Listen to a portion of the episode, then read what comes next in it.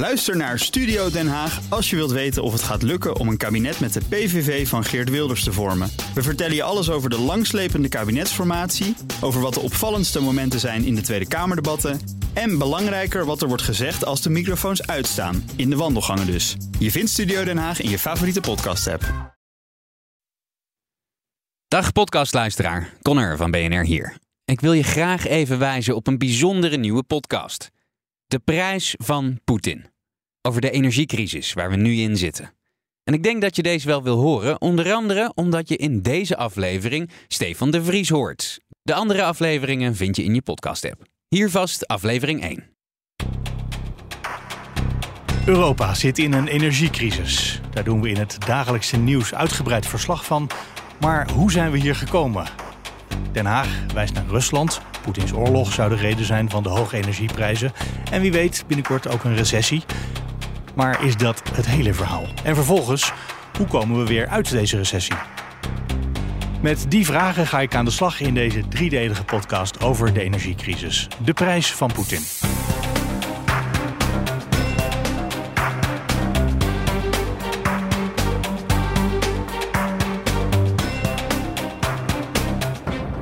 Mijn naam is Mark Beekhuis en bij mij zijn BNR's buitenlandcommentator en presentator van De Wereld, Bernard Hammelburg.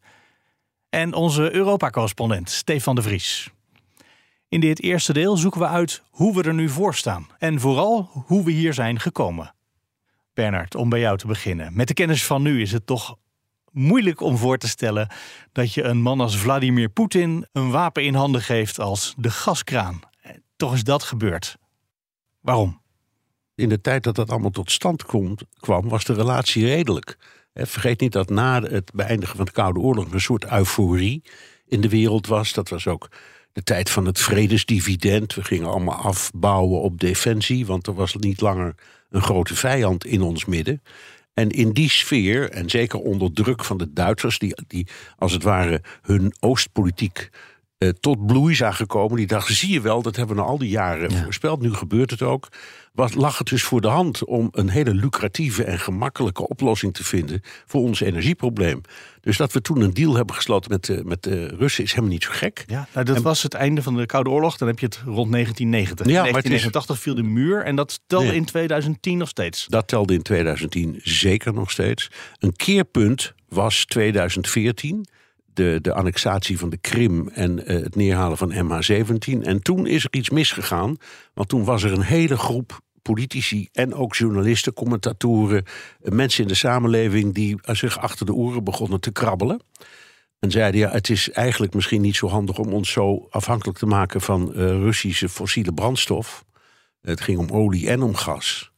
Uh, en daar is eigenlijk niet of nauwelijks naar geluisterd. En, dat, is, dat is een beetje een enigma, want er zijn, er zijn er echt heel veel mensen geweest die behoorlijk krachtig hebben aangedrongen op een wijziging van het beleid.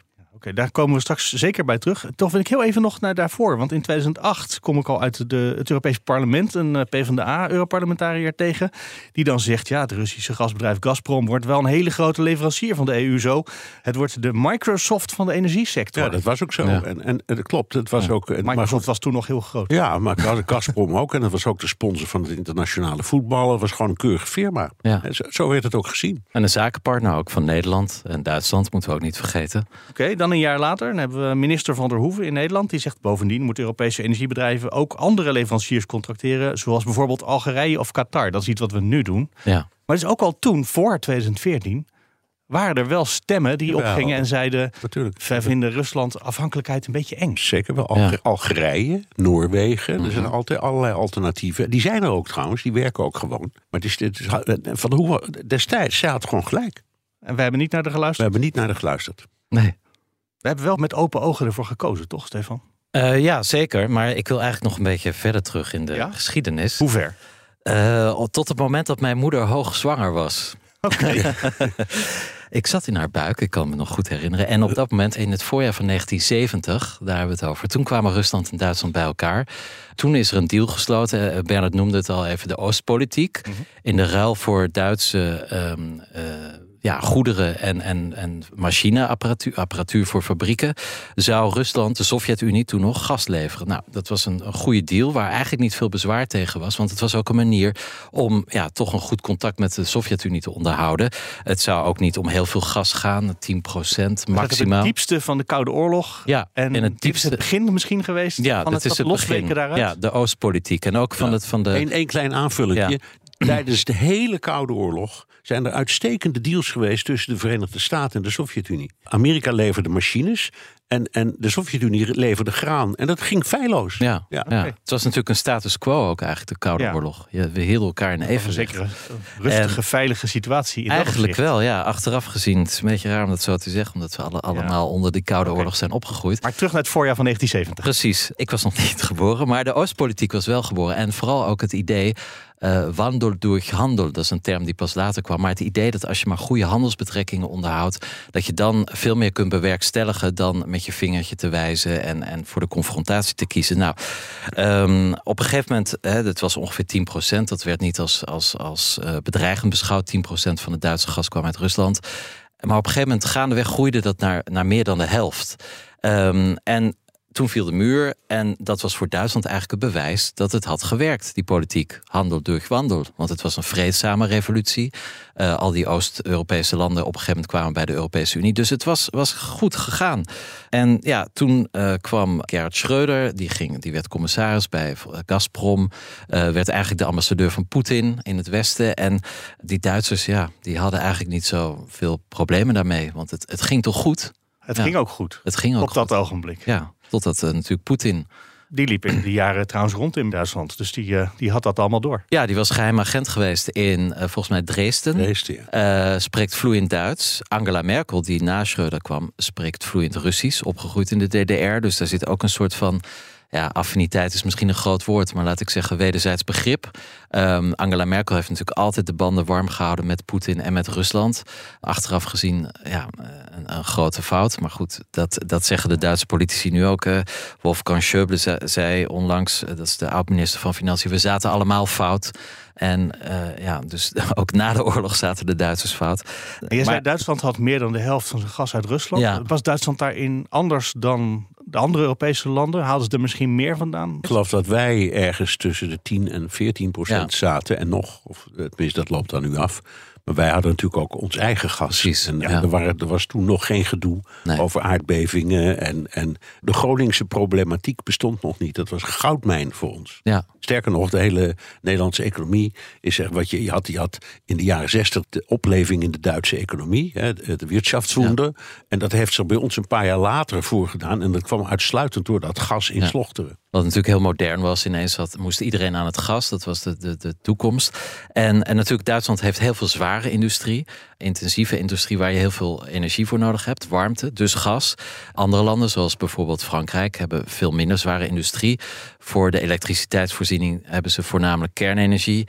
Eh, Italië is een beetje een mix. Ehm, en, en, en ja, het, het is redelijk eh, moeilijk te vergelijken. Maar in ieder geval, Duitsland is echt op energiegebied het zwaargewicht. En heeft dus ook de meeste behoefte. En dan ga je kijken naar de, de meest zekere, in die tijd nog, en goedkope ehm, ja, bronnen. En dat was in dit geval natuurlijk Russisch gas. Ja. En je zei net al, Bernard, op een goed moment werd het 2014. Dat is een enorme sprong in de toekomst vanaf, eh, vanaf 1970. Ja. Maar toch, al die tijd daarvoor was het prima om met Rusland handel te, te drijven kennelijk. En Nou ja, er daarna waren- hadden we had het waren- moeten vallen. Er waren wel al kleine scheurtjes hoor. Om maar een voorbeeld te geven. We hebben in Amsterdam die dependance van de Hermitage. Ja. En op een bepaald moment kwam Poetin die officieel openen. Dat was nog voor de annexatie, een jaar Ja. daarvoor of Ja. zo. En toen waren er grote demonstraties vanwege eh, zijn opvattingen... of de Russische opvattingen over ehm eh, homorechten. Ja. Eh, en eh, er, wa- de, de, de- het was niet, er was geen sprake van echte vriendschap hoor. Dat is echt, het was een beetje een, een fabel. En wij hadden dan al die sprookjes die we vertelden over Peter de Grote, die immers ongeveer een halve Nederlander was.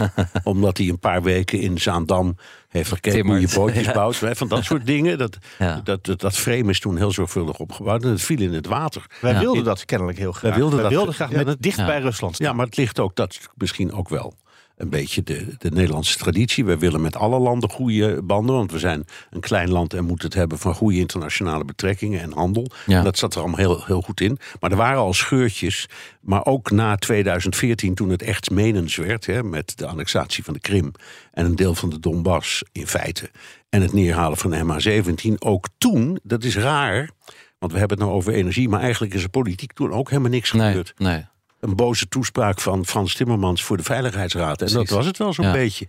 Dat kwam ook omdat Nederland eh, vuistdiep in de aanleg zat van Nord Stream 2. Want daar hebben we het nu over en we wijzen Ja, steeds naar Inmiddels Duitsland. voor het grootste stuk opgeblazen. Ja, maar 9% is van de gasunie. Dus eh, dat is een flink aandeel heeft Nederland daarin. Er is ook een beroemde foto uit 2011 met eh, onder andere Merkel, met Wedev, eh, toen de president, en ook Mark Rutte, die gebroedelijk die gaskraan opendraaien. Ja. Althans symbolisch die pijplijn aan, aanleggen. Dus Nederland heeft grote zakelijke belangen in Rusland. We hebben ons dus niet alleen qua gas, maar ook gewoon financieel met elkaar verbonden. Ja, en dat, dat- dat is, zeg, nu zeggen we, jeetje, wat dom van ons. Ja. Er zijn door de jaren heen heel veel mensen die dat ook zeiden, zeker sinds 2014. Maar op zichzelf vind ik het, het heeft ook iets onaardigs om nu te zeggen, we hebben het allemaal fout Ja. gedaan. Op het moment, kijk, op, de- op het moment dat je grote beslissingen neemt die je wel overweegt, dan is zo'n beslissing goed. Dan kan het bij nader inzien later blijken fout te zijn. Maar om nu te zeggen, dat hebben wij van, van stonde af aan compleet verkeerd gedaan, ja, dat vind ik eigenlijk onjuist. Oneerlijk voor de mensen van toen. Oneerlijk voor de mensen van toen. Ja, met de, met de kennis van nu. Eh, Je, je zou kunnen zeggen, je had misschien wat eh, een morele bezwaren kunnen hebben. Maar zakelijk gezien, ja, ehm, Nee, zakelijk was het kennelijk een logische deal. Ja, en eigenlijk eh, wel. qua geopolitiek misschien voor een deel ook. En toch, Zeker. ik pakte niet voor niks net een Europarlementariër en een Nederlandse minister van Economische Zaken erbij.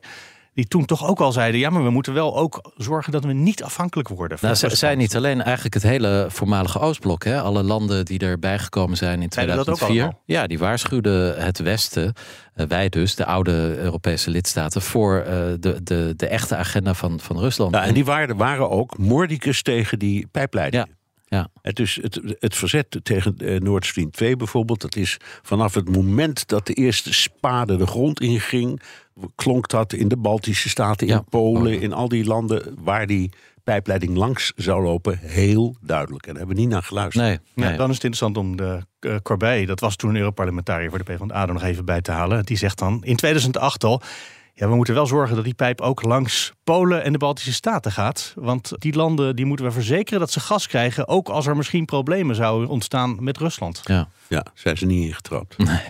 Nee, maar daar hadden Nee, we maar ik dus, bedoel, politiek zijn ze er niet die in. tussenstap had er kennelijk wel gemaakt in die, pij- eh, in die Jawel, pijplijn maar daar ging, het, daar ging het ze niet om. Die landen hadden terecht natuurlijk een heel vers en kort geheugen Ja. over, over de Sovjet-Unie. Ja. Die, die, die zeiden heel terecht, ja zeg, daar moet je niet afhankelijk van worden. Maak maar een deal met elk ander land, maar niet met hun. De Baltische Staten moesten er niets van weten, maar wij dus wel.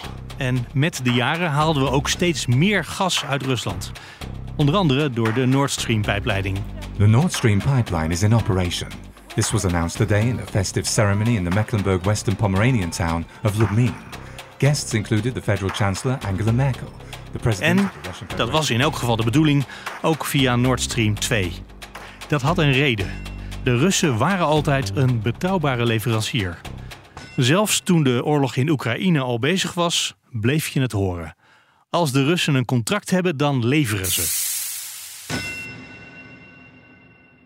Gaan we een stapje verder in de tijd, dan komen we misschien bij de gedachte dat we in de buurt van de oorlog komen. En één ding is zeker, in de oorlog van dit jaar, tot in de oorlog hoor je nog zeggen, nee, maar één ding is heel zeker, het gas uit Rusland blijft stromen. Rusland is een betrouwbare leverancier.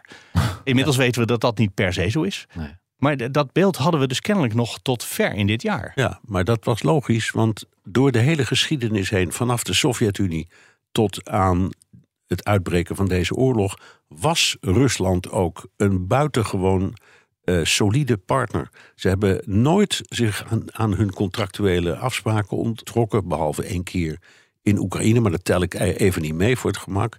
Eh, ze leverden wat ze hadden beloofd. Ze hebben nooit gemorreld over de prijs. Afspraak was afspraak. Dus was zakelijk gezien een gouden deal. Ze Ja. waren ook echt betrouwbaar. Behalve dus inderdaad wat je absoluut. zegt. Ze hebben in één keer een winter in Oekraïne de, de gaskraan dichtgedraaid. Ja. Want er was ruzie Maar over daar was, tarief. ja, er was, was, een, er was ruzie over een betaling. En, en ik denk dat het natuurlijk ook een soort wensdenken is. Want eh, stel je voor dat we ineens van de een op de andere dag inderdaad helemaal geen Russisch gas meer hadden. Nou, hoe ga je dat verkopen als politicus aan je volk? Dus dat, dat is een. Ja, het, is, het is ook eh, politiek. Het is eh, zeggen, het komt wel goed. En we krijgen nog steeds gas en olie uit Rusland voor een flink bedrag elke dag. Een paar maanden geleden was het nog een miljard euro per dag. Ik heb niet de laatste cijfers, maar het zal niet heel ver eronder liggen, want de prijzen zijn natuurlijk ook weer gestegen. Er komt een importverbod op olie, maar niet op gas vooralsnog. Ja, en, en dan, dan, dan nog, weet je, we, we, we, hebben gewoon niet veel keus. We hebben natuurlijk heel veel verkeerde keuzes gemaakt in, het, in energiegebruik de, afgelopen 10, 20 jaar. Of in ieder geval niet de goede om, om dat energieverbruik te veranderen. En Eigenlijk zeg jij voor een politicus, er moet minstens een oorlog zijn. Wil je de, aan je bevolking kunnen uitleggen dat we even geen Russisch gas meer kunnen krijgen? en dan nog, want ik heb En nog geen politicus nee. gehoord die zegt van je moet je nu echt voorbereiden op drie dagen per week geen gas, geen elektriciteit. Niet dat dat gaat gebeuren, maar behalve Emmanuel Macron trouwens, die begin van de zomer zei de tijd van zekerheden, de tijd van eh, comfortabel eh, leven is voorbij. En ja, dat is natuurlijk een hele harde boodschap. Maar het is wel toch waar we lang Maar dat zei, dat, zei, Oh. dat zei Joop den Uyl in 1973, midden in een oliecrisis die helemaal geen oliecrisis bleek te zijn. Ook. Hè? ja, Die tijd komt nooit meer terug, zei hij toen met zo'n hele sombere stem. 50 En, en, ja, En, en een half jaar later ging de hele wereld gewoon weer Ja, met de auto met dat is vakantie. waar. Was niks Nee, dat kan, ja, maar dat is natuurlijk ook het moeilijke van, van politiek en, en vooral realpolitiek. Je re- het is altijd reactie. Het is eigenlijk, je kunt nauwelijks eigenlijk vooruit eh, zijn op wat er gaat gebeuren. Want je kan nu bijvoorbeeld al heel veel investeren in eh, waterstof. Ehm, maar dat is misschien een technologie die over vijf jaar ook achterhaald is. Allemaal windmolens neerzetten. Eh, dat, dat, eh, dat vereist ook heel veel investeringen in hele vervuilende grondstoffen, bijvoorbeeld. Eh, Weet je, we kunnen, het, het is heel lastig natuurlijk om op de toekomst vooruit te lopen. Zeker als je te maken hebt met, met de politiek. En de politiek per definitie is onvoorspelbaar. Of het nou een dictator is in Rusland of een, meneer in Den Haag die als een achtste kabinet eh, leidt. Ja, en er is nog iets in de politiek, in democratieën. Een democratie denkt cyclisch omdat een, de gemiddelde regering zit vier jaar of vijf jaar of zo. Ja. En, dan, en dan komt er een ander parlement Ja. en vaak ook een ander kabinet. En dus het is heel moeilijk voor, voor zittende kabinetten en parlementen om op hele lange termijn beslissingen te Ja. nemen. En dat zijn ze zich ook bewust. Maar dat is de prijs die je betaalt voor de democratie. Nou ja, maar je kan toch een debat in de Kamer hebben en zeggen: willen wij wel of niet afhankelijk zijn van Rusland? Of straks van Saoedi-Arabië of Qatar? Of Ja, ook maar, maar dan, dan moet je dus praten over, over periodes van 20, 25 jaar. Ja. En dat geldt natuurlijk ook bijvoorbeeld voor investeringen in allerlei eh, onderdelen. Maar dat Bijvoorbeeld, doe je toch als je een investering in een eh, pijpleiding zoals Nord Stream eh, aanlegt. Dan zeg je toch, we gaan voor de komende 30, 40, 50 jaar. ja, maar met de kennis nemen. van achteraf. Je, je, je neemt altijd beslissingen met de kennis die je hebt en niet met de kennis die je nog moet krijgen. En ehm, als een politicus een, een, een besluit neemt eh, over iets dat over 20, 25 jaar vruchten af gaat werpen. Ja, zoals Bernard zegt, dat is helemaal niet interessant. Want over drie, drie jaar zijn er weer verkiezingen.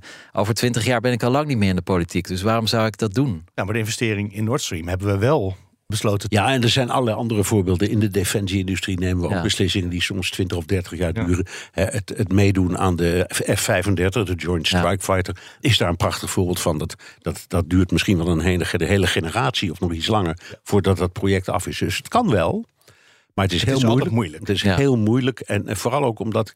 ik, eh, Nou, Mark, jij weet er meer van dan wij samen, denk ik. Maar het, het, de, het hele denken en de kennis over alles wat te maken heeft, bijvoorbeeld met klimaat. Ja. Dat was op het moment dat deze deals werden gesloten helemaal nog niet hip. Sterker nog, heel veel dingen wisten we niet. We waren ervan overtuigd dat gas behoorlijk schoon Ja, was. Vergeleken bij allerlei andere eh, middelen. Dus we zetten ook enorm in op gas toen. Gas is schoner dan kolen. Ja, precies. Ja, Maar En- veel nog steeds dan wind. maar en ook, veel maar dat dan, speelt ook allemaal mee. Dan, eh, hè? Dus ja. zoals eh, Frans Timmermans pas geleden bij jullie, geloof ik, in, in de podcast. Eh, de Europa-podcast heel terecht zei. We, we, alles wat er nu gebeurt is eigenlijk 100% fossiel. Ja. En het voornemen is dat we van die 100% helemaal af moeten. Nou, dat soort denken bestond niet op het moment dat die deals over die pijpleidingen worden, werden Nee. gesloten. Nee. Of in ieder geval niet in de delen van de regering die erover gingen. Nog steeds zetten wij stevig in op gas, afkomstig uit alle windstreken. Het marktaandeel van Noorwegen op de Europese gasmarkt ging flink omhoog. De laatste maanden kwam bijna een kwart van het gas in Europa uit Noorwegen. En dan importeren we natuurlijk ook nog LNG. Gas dat vloeibaar gemaakt is door het af te koelen tot zo'n 160 graden onder nul. Dat was de snelste oplossing, omdat we nou eenmaal helemaal zijn ingesteld op het werken met gas.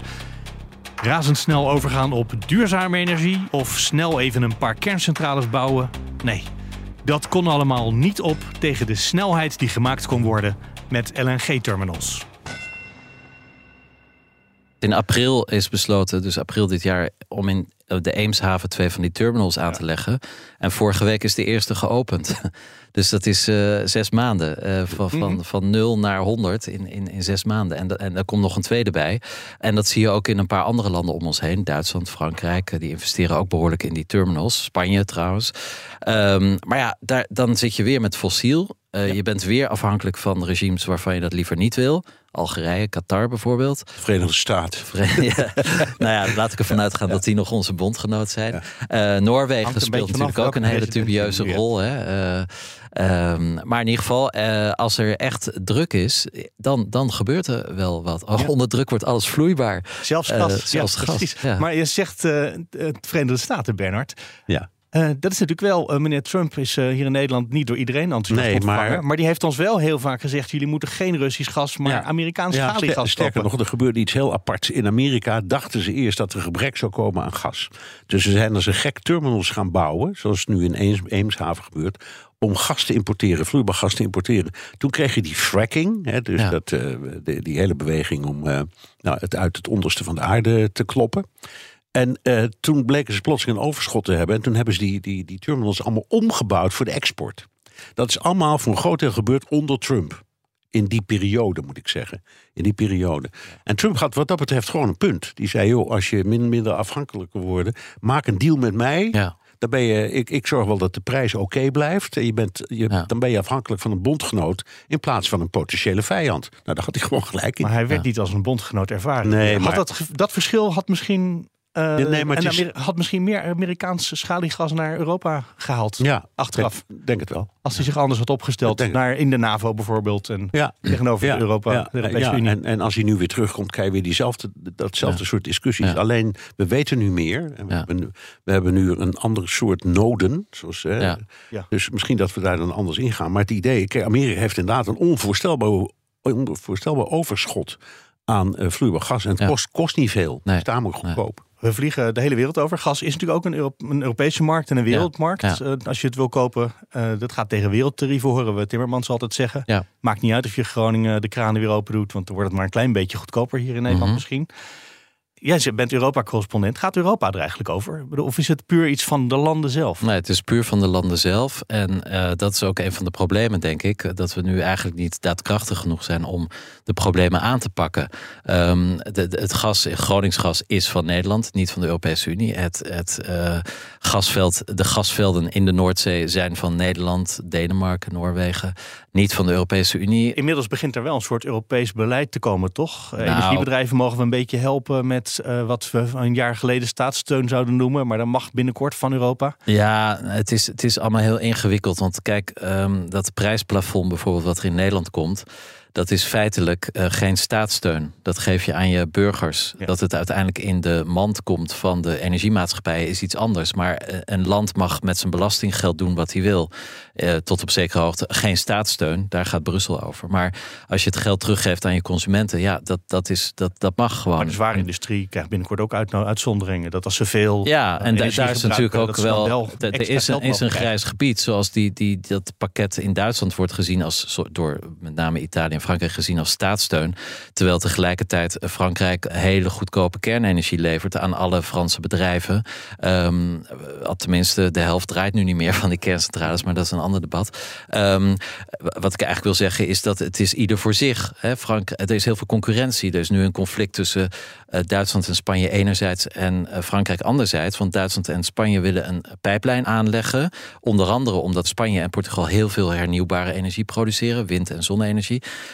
Uh, er is geen verbinding tussen het zuiden en het noorden van Europa. Nou, als je op de kaart kijkt, als je een lijn trekt van Spanje naar Duitsland, dan kom je door Frankrijk. Ja. Nou, Macron heeft daar geen zin in. Want die wil juist inzetten op die LNG-terminals. Um, daar wil Frankrijk heel groot in worden. En kernenergie. En ja, als er dan schone of groene energie direct van Spanje naar Duitsland gaat, dat is niet in belang van de Franse sector. Dus je ziet dat er nog heel weinig solidariteit is. Dat trekken we niet samen op, terwijl dat. Nee, absoluut niet. Als er ooit een Dus- tijd is om samen op te trekken op dit beleid, is het vandaag. Ja, ja, maar ja, je hebt altijd nog de lidstaten hè, die koppig zijn. Je zou toch kunnen denken, we staan nu met z'n allen tegenover Rusland. Ja, Dat- maar, ja, maar dus- dat is naïef, dus er zijn ook Europese lidstaten die, die horen de klo- klok en, en weten niet waar de klepel hangt over het Groningsgas. Die zeggen, ja, jullie hebben zulke voorraden, gooi dat gasveld weer open.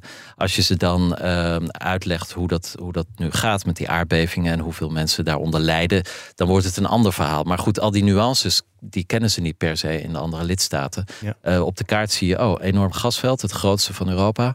Kom maar door, Nederland. Ja, ik heb in Japan wel eens geprobeerd aan iemand uit te leggen dat wij aardbevingen tot wel 2,6 hier hebben. Nou, ze hebben er gemiddeld in Japan negen per dag aardbevingen. Ja. Ja. Dus, Maar En, verschil en onder de, de zes op de schaal van Richter tellen ze ze niet echt. Nee, maar toevallig heb ik, er, heb ik er net een groot artikel over geschreven. Het, het verschil is dat aardbevingen in Groningen zijn door de mens veroorzaakt. Ja, zeker. En ze zijn zitten heel ondiep. ondiep in een andere En de, bodemstructuur. en de veengrond Absoluut. die geeft heel veel trillingen weer. Dus dat is Ja. heel anders dan rots. eh, Nee, dat, dat klopt maar ook. inderdaad, het is anders. die maar Japanners die, die lachen ons uit. buiten Groningen snapt niemand precies wat daar aan de Nee, hand is. nee, nee. Maar goed, eh, wat ik wil zeggen is dat er wordt dus gekeken door, door andere lidstaten naar Nederland. Zeg, geef dat gas. Waarom doen jullie dat niet? Dat wordt gezien als niet solidair. Ja. Terwijl ja, de werkelijkheid ligt wel iets genuanceerder. En, en nog één ding over wat jullie net zeiden. De, de Unie, net als de NAVO, is een club van democratieën. Ja. En dat is heel lastig om een paar redenen. Er is altijd wel ergens in een van die landen verkiezingen. En die verkiezingen vallen altijd wel eens anders uit dan we eigenlijk Ja. hadden gehoopt. Dat hoort erbij. En het zijn soevereine landen die dus in dit soort kwesties zich het recht voorbehouden om dat hetgene te doen wat ze voor hun eigen burgers het meest verstandig vinden. Ja. Dat is niet noodzakelijkerwijs kwaad. Al is het lastig en jammer dat ze het niet samen doen.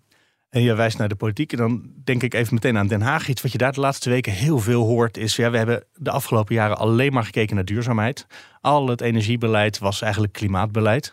Maar het moest ook nog betaalbaar blijven. Nou, oké, daar hebben we dan haalbaar en betaalbaar van het CDA voor gekregen als slogan. Maar de leveringszekerheid, daar heeft echt niemand het over gehad, want die was vanzelfsprekend.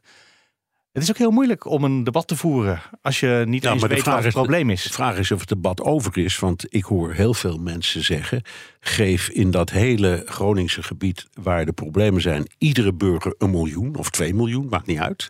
Dat is een schijntje. En zet inderdaad die kraan dan maar weer open. Ja. Nee, dan, dan los je een groot deel van het probleem op en je helpt ook de mensen die er last van hebben.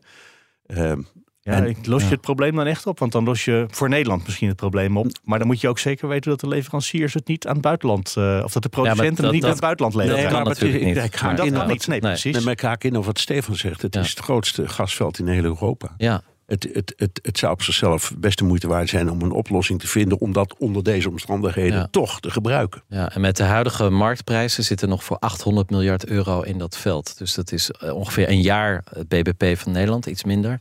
Eh, dus wat Nederland in een jaar verdient, dat zit nog in dat veld. Of het genoeg is, ja, eh, weet ik niet. Uiteindelijk op de lange termijn moeten we natuurlijk helemaal van die fossiele brandstoffen af. Om heel veel redenen, maar ook om de eenvoudige reden dat het behoorlijk eindig is. En dus, dus sowieso de prijs omhoog gaat. Ehm, maar ja, dat is lange termijn. En we zitten nu eh, zeven maanden in de oorlog. Ehm, Ja. ja. Ja.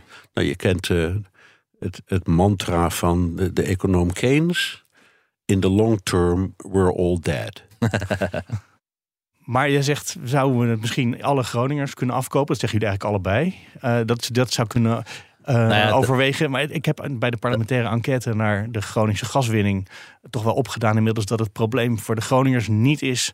dat ze geen geld Nee, kijk, ze nee, voelen zich niet wel. serieus genomen. Ze voelen dat- zich dat- eh, is onveilig. Nee, maar dat je zegt, oké, ik, ik, ik zeg het wat bot, hè, als we, alsof we op de markt staan. Hè, dat Ja. bedoel ik helemaal niet. Maar dat je zegt, we willen het met jullie oplossen. Ja. Maar wel uit, ervan uitgaande dat we onszelf en de wereld een handje moeten helpen onder Ja. deze bizarre omstandigheden. Jullie hebben daar een verantwoordelijkheid in. Ondanks het feit dat je lijdt onder wat je allemaal meemaakt. Dat respecteren we. Dus misschien kunnen we het financieel compenseren. Zodanig dat je zegt, nou daar kan ik een prachtig ander huis voor kopen ergens anders. Of ik kan mijn eigen huis zo stevig maken dat het aardbevingvrij is. Ik noem maar wat. Maar het is, het- ik denk dat de investering in zoiets in het niet valt bij wat Stefan net roept. Wat is het? 800 miljard, 800 miljard die daar klaar ligt. Ja, ja het, is, het is natuurlijk niet alleen een economisch verhaal. Ik denk dat het een van de grote problemen eh, bij, of de achterliggende problemen van, van Groningen, eh, misschien ook het probleem is bij de hele discussie over de landbouw, dat mensen zich niet gehoord Ja. voelen. En het is dus een empathisch probleem, eigenlijk veel meer dan een politiek-economisch probleem. En ja, als je om de tafel gaat zitten, dan kun je altijd een oplossing vinden. Bovendien, die, die aardbevingen, als je stopt met gaswinnen, dan 10, 20 jaar daarna is, is het ook klaar met de aardbevingen. Blijkt uit de rapporten van, van de KNMI. Dus het is, het is overzichtelijk. Dus het is, het, ik begrijp de Groningers heel goed natuurlijk. Ze hebben alle recht. Maar het is. Het is ehm, ja, kijk, kijk, jarenlang of, of decennia lang was het eh, Hosanna in Den Haag. En in Den Haag wisten ze eigenlijk niet eens waar Groningen lag. Neem, het, neem die ellenlange discussie over de trein. De snelle trein van Den Haag naar Groningen. Die, die ligt er na 30 jaar nog steeds niet. Dus die mensen hebben het gevoel dat ze al hun geld kwijt zijn. Eh, al, al hun huizen staan op instorten. En in Den Haag wordt er carnaval gevierd. Als, er, als dat niet te hoog is boven de rivieren. Maar, hè, dat, dus dat is ook een, een, een- Maar dat is een ander debat. Ehm, er is een deel van de oplossing ligt misschien onder eh, de Groningen, Groningse bodem. Maar uiteindelijk zullen we toch moeten naar, naar inderdaad. Eh, Ja, groene oplossingen. duurzame oplossingen. duurzame oplossingen. Ook nadat we al lang dood zijn. Want misschien zijn we in de long term wel allemaal dead. Maar we hebben ook nog kinderen, kleinkinderen, achterkleinkinderen. Oh, in de long term hebben we heel veel kinderen. Ja, Ja. dat is zeker waar. Dit was de eerste aflevering van De Prijs van Poetin. Een podcast over de energiecrisis. Hoe we erin verzeild raakten en hoe we er weer uitkomen. Mijn gasten in deze aflevering waren Bernard Hammelburg en Stefan de Vries. In de volgende aflevering kijken we een klein beetje vooruit. Naar de volgende winters. Want deze winter komen we misschien wel door zonder al te veel kleerscheuren. Maar voor de volgende winters is dat nog helemaal niet zeker. Mis die aflevering niet en de simpelste manier om dat voor elkaar te krijgen is je abonneren op deze podcast. Dank voor het luisteren en tot de volgende.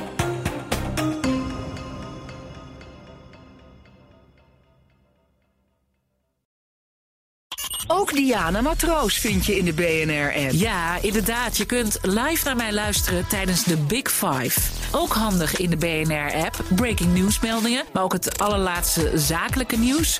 En je vindt in de app alle BNR-podcasts, waaronder Wetenschap Vandaag. Download nu de gratis BNR-app en blijf scherp.